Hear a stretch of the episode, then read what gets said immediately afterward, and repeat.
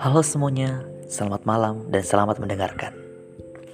Sakit, mungkin benar bahwa perempuan cantik, wanita mempesona, gadis anggun, dan sebangsanya yang masih sendiri itu hanyalah mitos atau sekedar dongeng menjelang tidur.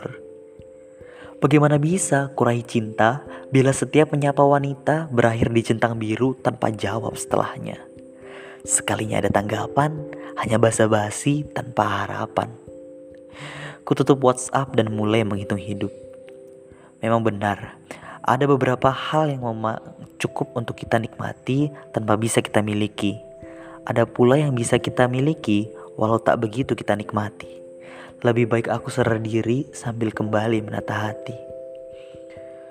Kutaruh ponsel di sudut meja, perlahan aku pun bangkit menyesap kopi dan keluar dari posko untuk sekedar menghela nafas sambil menikmati samar-samar kemegahan Gunung Selamet. Siluet purnama dini hari mulai menjelaskan setiap lekuk yang menjulang tinggi disertai perbukitan yang mengiringi. Alam memang selalu mampu memeluk kita lewat berbagai pertanda. Hawa dingin pun membelai mesra, menyentuh paru-paru, menepikkan lara. Mataku terpejam di bawah ribuan bintang. Doa-doa melayang mencoba temukan perasaan yang hilang.